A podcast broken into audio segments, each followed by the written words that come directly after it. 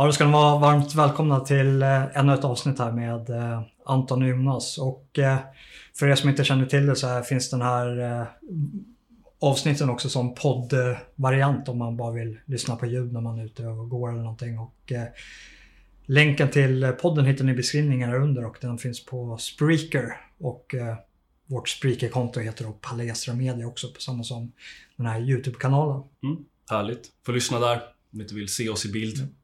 Men eh, den här veckans avsnitt ska vi avhandla 68-vänstern. Precis. Det blir lite historiskt specialavsnitt. Och vad passar bättre när man pratar om 68-vänstern att man faktiskt eh, har en kulturfredag med ett glas rött också. Ja, precis. Ta tillbaka rödvinet från vänster helt enkelt. Rödvinshögen, skulle man kunna säga.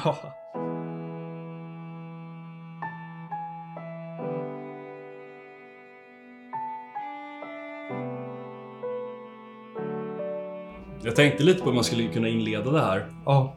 Men det är ju så att 68 har ju blivit ett väldigt... Det har blivit ett väldigt spritt begrepp i högerkretsar på olika sätt.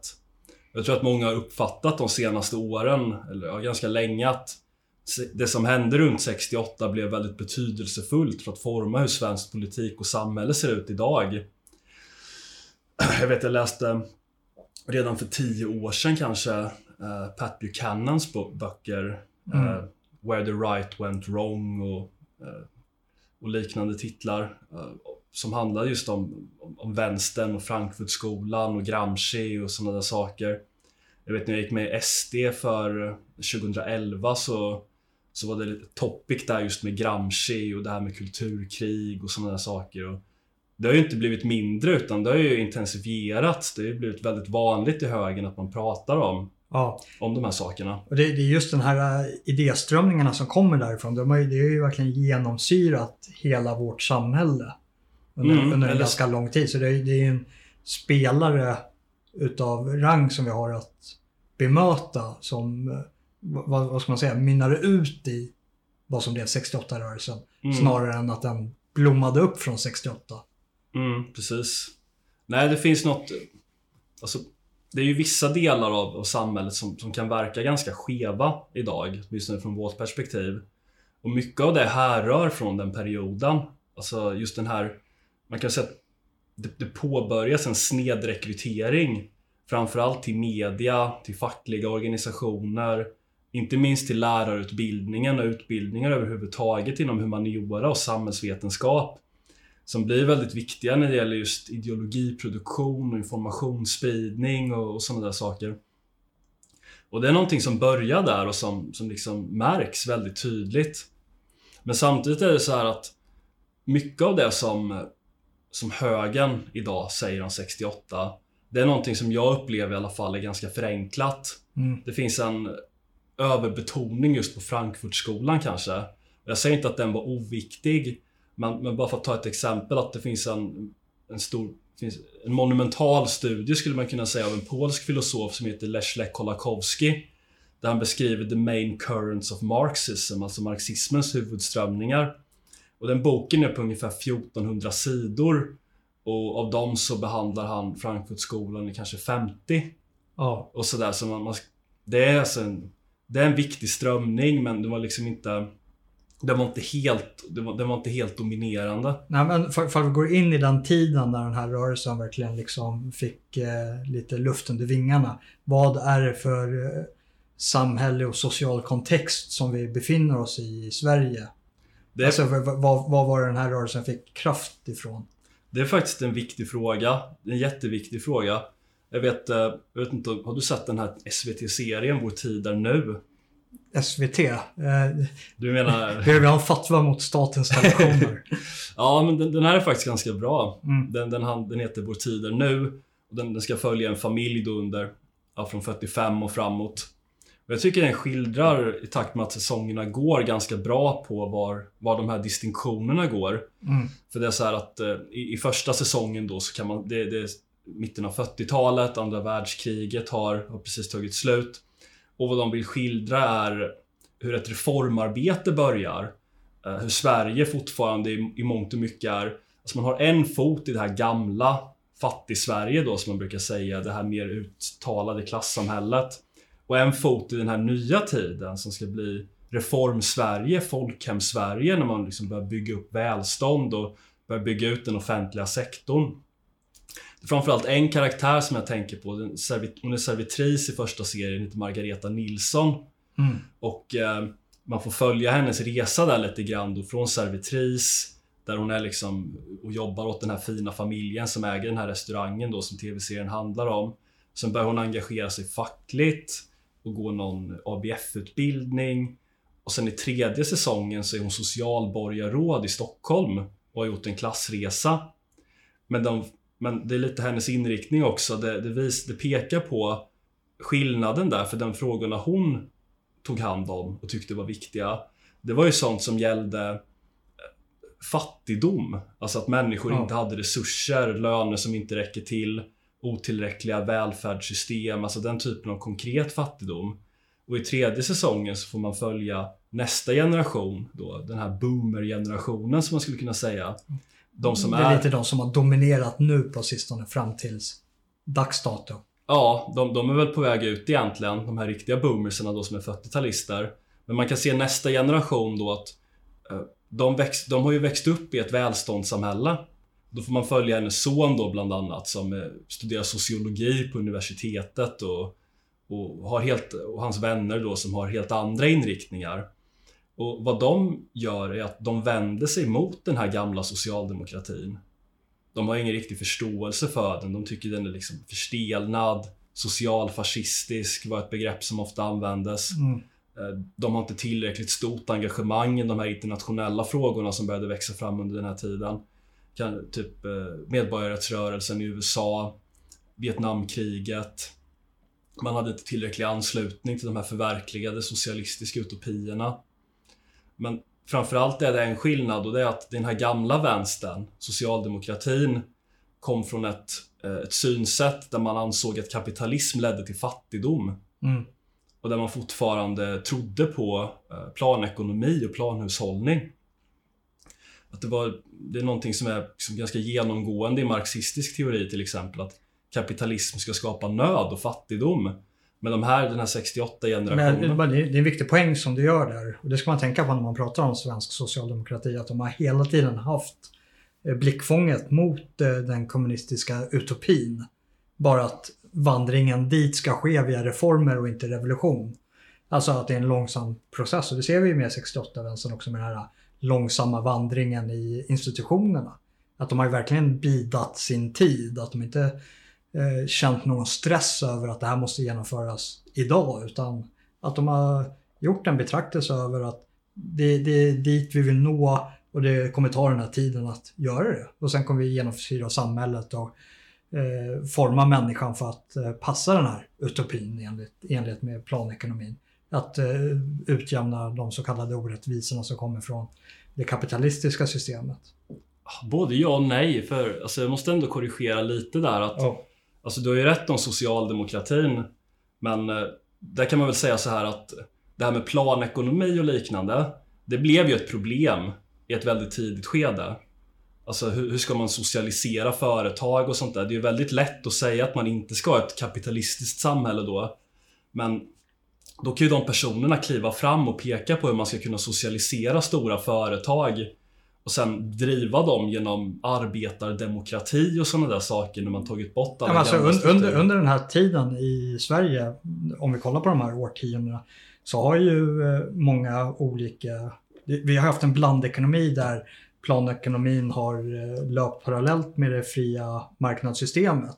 Mm. Och ett av så här, eh, mer konkreta exempel på hur vansinnigt det egentligen var på sina ställen på på det arbetsmarknadspolitiska och det ekonomiska planet var ju att svenska staten ägde en hamburgerkedja till exempel. Mm. mm.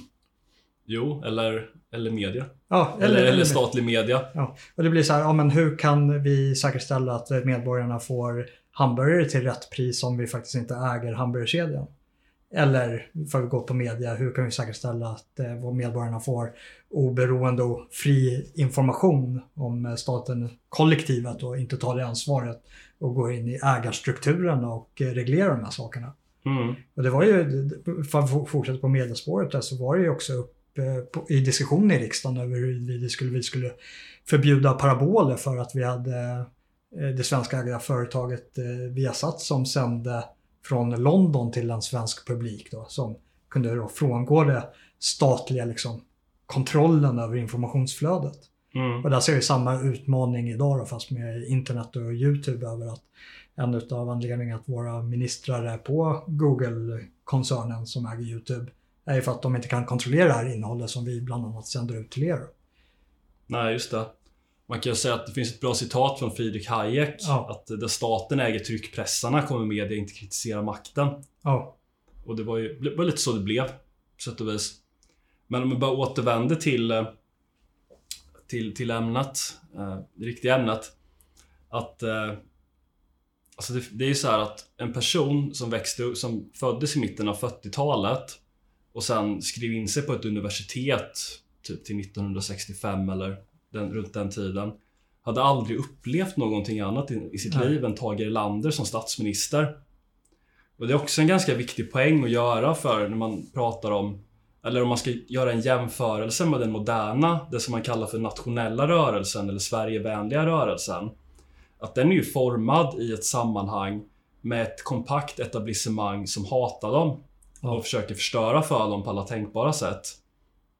Men Sverige på den tiden var redan eh, kompakt under socialdemokratisk kontroll. Socialdemokraterna hade redan omformat sig från protest, protestparti till maktparti för ganska länge sedan. Och det här, det man gör, eller det man revolterar mot, det är ju inte ett gammalt konservativt etablissemang som består av högerpolitiker. Utan det man gör är, det blir någon sorts intern uppgörelse inom vänstern egentligen. Som, som liksom kan komma till för att förutsättningarna finns där för att andra vänsterpersoner redan är vid makten. Och jag tror, och sen att man ser att, eh, om som säger att det är ju inte en eh, kontrarevolution mot konservatismen eller högerpartiet som hade liksom förhållandevis marginellt inflytande. Mm. Utan det är ju bara att vi, vi, lever i ett samhälle som eh, är hyfsat välmående. Så de känner att ja, vi kan bara höja, lägga i en tillväxel och gå snabbare åt. För vårt regeringsparti och Socialdemokraterna gör inte sakerna och fokuserar inte på de här viktiga frågorna som då lyfts från 68-vänstern. Mm, man kan ju tala om lyxfrågor egentligen. Ja. Jag menar den gamla socialdemokratin drev ju politik i ett läge där det faktiskt, alltså där människor faktiskt led nöd i mångt och mycket. Innan det här reformarbetet och innan Alltså innan man hade kunnat börja riktigt skörda frukterna av industrialiseringen i form av höjda löner. Men där människor faktiskt hade dåligt på riktigt och där det handlade om att bygga upp socialförsäkringssystem och hyggliga bostäder och begränsa arbetsdagarna och sådana här mer konkreta saker som är, ganska lätta att sympatisera med. Men den här nya generationen Dels så blir det ju lite den besuttnes revolution någonstans. Att när människor har ett överflöd, mm. vilket man hade på 60-talet och framåt, då börjar man ju revoltera mot överflödet. Det finns en bok som kan nämnas i sammanhanget och det är den här Herbert Marcoses bok Den endimensionella människan. Där han skriver att eh, människa, den moderna människan i västerlandet är en, en slav som lever i lyx. Oh. Liten fågel i en guldbur. Och någonstans så handlar det om att människor som har det så bra som arbetarklassen har det där, de är inte intresserade av att göra revolution. Nej. Men då måste man lite gå tillbaka och titta på hur radikalt det där faktiskt är när man tänker på att marxismen, kommunismen har under hela sin ganska långa tradition hävdat att kapitalismen skapar nöd och fattigdom. Men nu har vi en brytning här där det kommer en ny vänstervåg. Där man istället gör tvärtom och anklagar kapitalismen för att skapa rikedom. För att hålla människorna i lyx och överflöd och för, liksom förslava dem på det sättet. Ja. Så du förstår vilken brytning det blev. Ja. Och det är lite det som, som blir liksom nästa steg i redogörelsen. Och jag vill, vill hävda till någon, hänvisa till någonting. Det finns en väldigt, väldigt duktig historiker som heter Håkan Arvidsson. Vars böcker jag gillar att läsa. Och han har skrivit en väldigt intressant självbiografisk skildring som heter Vi som visste allt. Där han beskriver sitt eget engagemang i den här rörelsen då med, med tyngdpunkt i Lund. Och så skriver han mycket om att människorna under den här tiden Dels växte de upp i ett Sverige som var ganska hyggligt och, och bra och liksom hyfsat problemfritt om man jämför med hur liksom, Sverige har sett ut tidigare. Däremot så hade man ju på ett sätt som andra kanske inte hade intryck utifrån, bland annat genom TV och tidningar, att man blev varse om alla de här konflikterna som ägde rum runt om i världen. Typ eh, apartheid i Sydafrika, eh, medborgarrättsrörelsen i USA, eh, Vietnamkriget. Det liksom skapar någon sorts situation där, där utrikespolitiken blir väldigt viktig. Och där man börjar engagera sig i de här förtryckta folkens olika konflikter. Det blir, där någonstans blir det ganska intressant eh, geopolitiskt som går över realpolitiskt internt. Du nämnde Pat Buchanan tidigare också. Mm. Och då har ju en annan eh, friktion eller barriär för eh, ett starkare vänstergenomflöde i amerikanska systemet just på grund av kalla kriget. Medan Sverige som står utanför och eh, brukar oftast vilja beskrivas, i alla fall i internationella sammanhang, som the middle way. Att vi vare sig öst eller väst. Nej. Hur, hur ser du där till att 68-vänstern eh, kan ha fått ett starkare genomslag och genomsyra vårt samhälle i en större utsträckning än vad det kan till exempel göra i Amerika? Jag tror det fanns en större, större förståelse för dem i Sverige. Just på grund av att det fanns ett vänsteretablissemang Sen ska man ju man ska inte underskatta sossarna på, på den punkten. Nej. Just som maktparti som inte gillar konkurrenter. Men det går inte riktigt att jämföra med de här amerikanska högerrörelserna eller vänsterrörelserna. Det finns en bok, nu kommer jag inte ihåg vad författaren heter, men den heter The Long 68. Det, Ja. det går att kolla upp ganska enkelt. Men han, när han beskriver eh, medborgare, eller 68-engagemanget i USA, så finns det ju en helt annan, en helt annan repression från Ja, det var ju en balansgång. sida. Alltså inte bara från statens sida utan liksom bara från det allmänna sociala skiktet över att om du uttryckte för starka vänsteråsikter så blev du liksom de, eh, eh, ostraciserad som kommunist. Mm. Sen fanns det väl en annan intensitet för Alltså, I Sverige var det ju så att man tog sikte på andras konflikter Ja, som man kommenterade och bedömde på olika sätt. Men i USA var det ju faktiskt så att man hade en stor grupp, det vill säga de svarta, ja, som var utestängda då i någon mening från sina medborgerliga rättigheter. Och det, när det är grupper som är positionerade på det sättet, för jag, jag kan ju hålla med om, jag menar, vem fan vill vara i det läget som grupp, liksom att du är andra klassens medborgare? mm, Då blir det ju en annan urladdning. Då blir det ju en annan potentialitet till våldseskalering.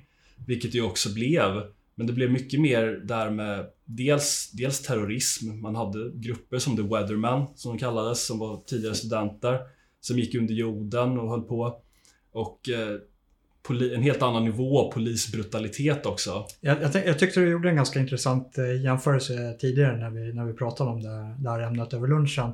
Och det var för att förstå den samtida kontexten som den här rörelsen mynnade ut i så ska man nästan betrakta det som att eh, i ett framtida scenario säga att eh, vi har fått eh, Sverigedemokraterna som har dominerat det svenska politiska klimatet över en 25-årsperiod och att det är någonstans där och så börjat det kanske en allt-högerrörelse blomma upp. Mm, Vilket, vilket har blommat upp nu och tidigare.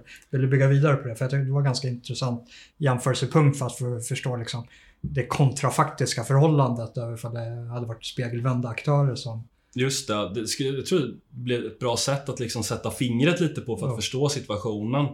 Att man skulle kunna tänka sig att ett Sverigedemokraterna eh, med, ja, med Jimmy Åkesson då, som har styrt Sverige i, i 23 år.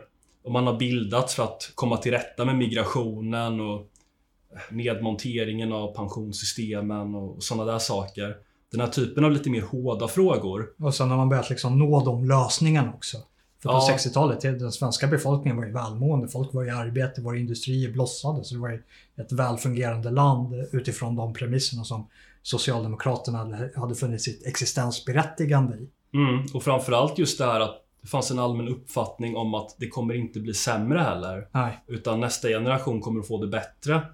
Men då skulle man ju kunna tänka sig ett, ett scenario där SD har styrt landet i 20 år och etablerat sig som maktparti helt enkelt. Man har hegemoni över svensk politik. Man är den största spelaren. Ja. Och i det Och scenariot... svenskan kan inte få det bättre. Nej. Näs- Nästa generation kommer få det bättre. Då får vi en, eh, en utbrytargrupp från Sverigedemokraterna som vill göra det ännu bättre. Mm. Men då skulle man ju kunna tänka sig att en rörelse som Althögern eller som Ja. liknar Althögern skapas och vill titta på helt andra frågor. Det som brukar kallas för mjuka frågor, kulturfrågor, livsstilsfrågor. Det skulle kunna komma en rörelse som pratar om förslappningen, att folk kollar på porr och inte Ja. styrketränar till exempel. Eller att eh, relationen mellan könen är skev på något sätt eller att eh, populärkulturen är för, för instängd och speglar fel ideal eller Mm. något sånt där. Men, men det är liksom lite skillnaden också för nu är det ju inte riktigt så. Eh, Det är också en skillnad då som, som jag sa innan mellan moderna högerrörelser och den tidens vänsterrörelse. Att den tidens vänsterrörelser bildas ändå mot en, en fond av socialdemokratiskt styre Ja.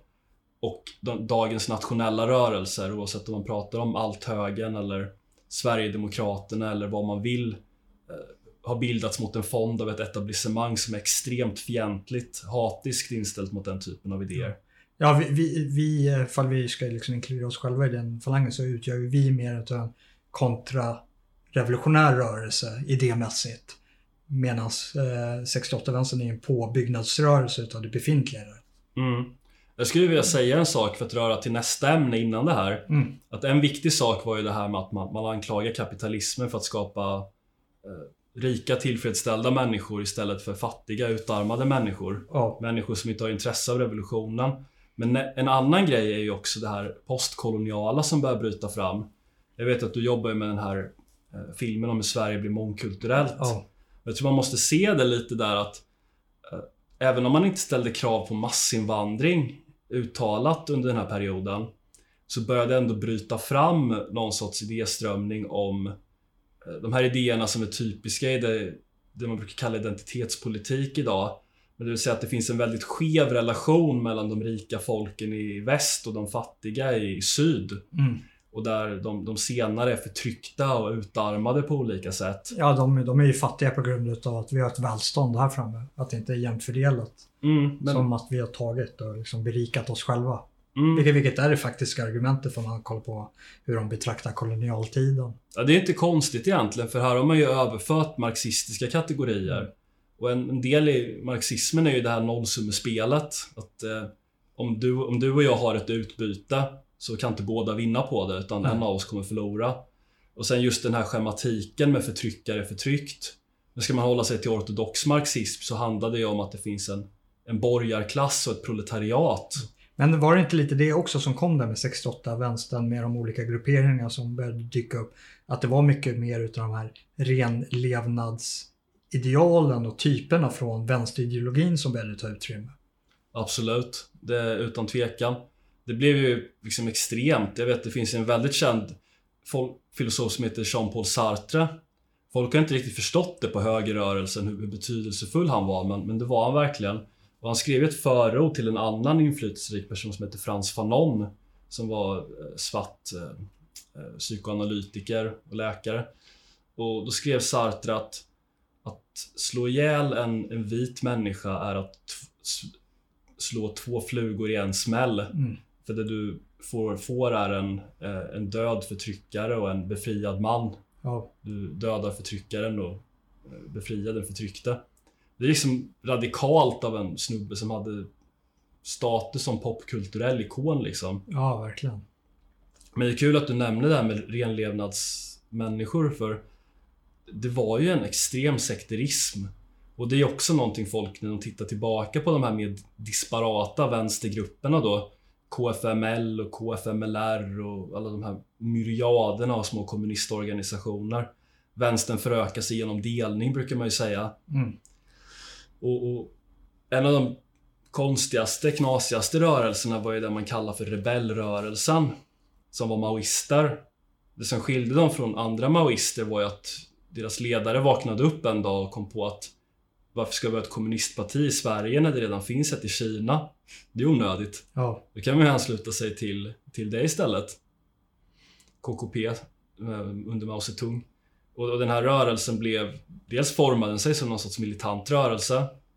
Eh, den blev väldigt, väldigt gör en parallell där till nutida svenska nationella som är putinister. Ja, jag vet inte. Kanske. Men det har alltid funnits den här vurmen för, för utländska auktoritära ledare. Så mm. det är väl inte helt osökt. Man kan väl nämna att rebellrörelsen var också väldigt inriktad på fysisk träning och den var väldigt starkt emot pornografi. Så för att hitta mer beröringspunkter. för att hitta mer beröringspunkter. Men den, den, åt, alltså, den åt ju upp sig själv genom radikalism och sekterism. För, för det är väl där man kan gå in och kolla på de här rörelserna, fast man inte håller med i dem i sak så kan man ändå betrakta det utifrån form. Och så kan vi fylla det med olika innehåll i, i de bägare som finns. Och då kan man ju göra lite de parallellerna från oss som är högerrörelse också. Och så kan man kolla då på de här 68-rörelserna, vilka var det som faktiskt blev framgångsrika och fick ett genomslag för sin politik eller kunde influera den faktiska politiken och var upphovsmän till olika former av policy som kom senare. Mm. Ja, det är ju en jättebra fråga för alla de här grupperna var ju inte framgångsrika. De flesta av dem upplever säkert att allt är förlorat liksom. Mm. Och många av dem var ju tvungna att backa på väldigt mycket. Just de som var maoister eller stalinister. De var ju många gånger tvungna att omvända under galgen. Och det, det är det som är problemet med när man pratar om renlevnadsmänniskor eller renlevnadsrörelser. Och det är att det, det är ju som att utgå från ett regelverk som inte känner till den kontexten eller de andra aktörerna som finns på spelplanen. Vilket gör att det måste öppna upp för en viss form av pragmatism över att man måste förhålla sig till olika maktförhållanden och vilken miljö det är helt enkelt man befinner sig i och vad är det vi kan få genomslag för vår politik. Och det liksom ger upphov till ja, den amerikanska typen av pragmatism. Mm. Att du måste vara en pragmatisk spelare för att kunna få ett eh, större genomslag för din vilja. Mm. Men verkligen, alltså många av de här grupperna, jag, jag vet jag läste bland annat i Håkan Arvidssons nämnda bok då, men man, man, kan se tecken även på andra håll och kanter. Det var just det att de, de isolerade sig. De ostracerade sig. Istället för att typ söka samarbete med Socialdemokraterna så, så försökte de aktivt motarbeta dem. Mm. Men det blev ju aldrig några, dels blev det aldrig några partipolitiska framgångar för några av de här grupperna. Man kanske tog något mandat i någon kommun någonstans, men de flesta la ju ner. La ju ner. Rebellrörelsen upplöstes ju fullständigt såklart. Folk där började ju omhänderta varandras barn för att de tyckte att de fick en för kapitalistisk uppfostran. Det säger ju det mesta. Men det som lever kvar någonstans om man ska sammanfatta lite, det är ju inte det här ultraradikala marxist-leninistiska arvet som var gällande under eh, under liksom 60 och 70-talen utan det började faktiskt ebba ut ganska tidigt. Redan under 80-talet så började det här ifrågasättas ganska kraftigt. Men det som, det som 68-rörelsen födde var ju dels att stora skikt av personer som var akademiker, journalister, lärare, ombudsmän, partifunktionärer och allt möjligt eh, blev, blev lite mer vänster än vad de annars skulle ha varit. Att även mm. om de inte var marxist-leninister rakt av så, så levde ändå ideologin vidare i lite förtunnad form.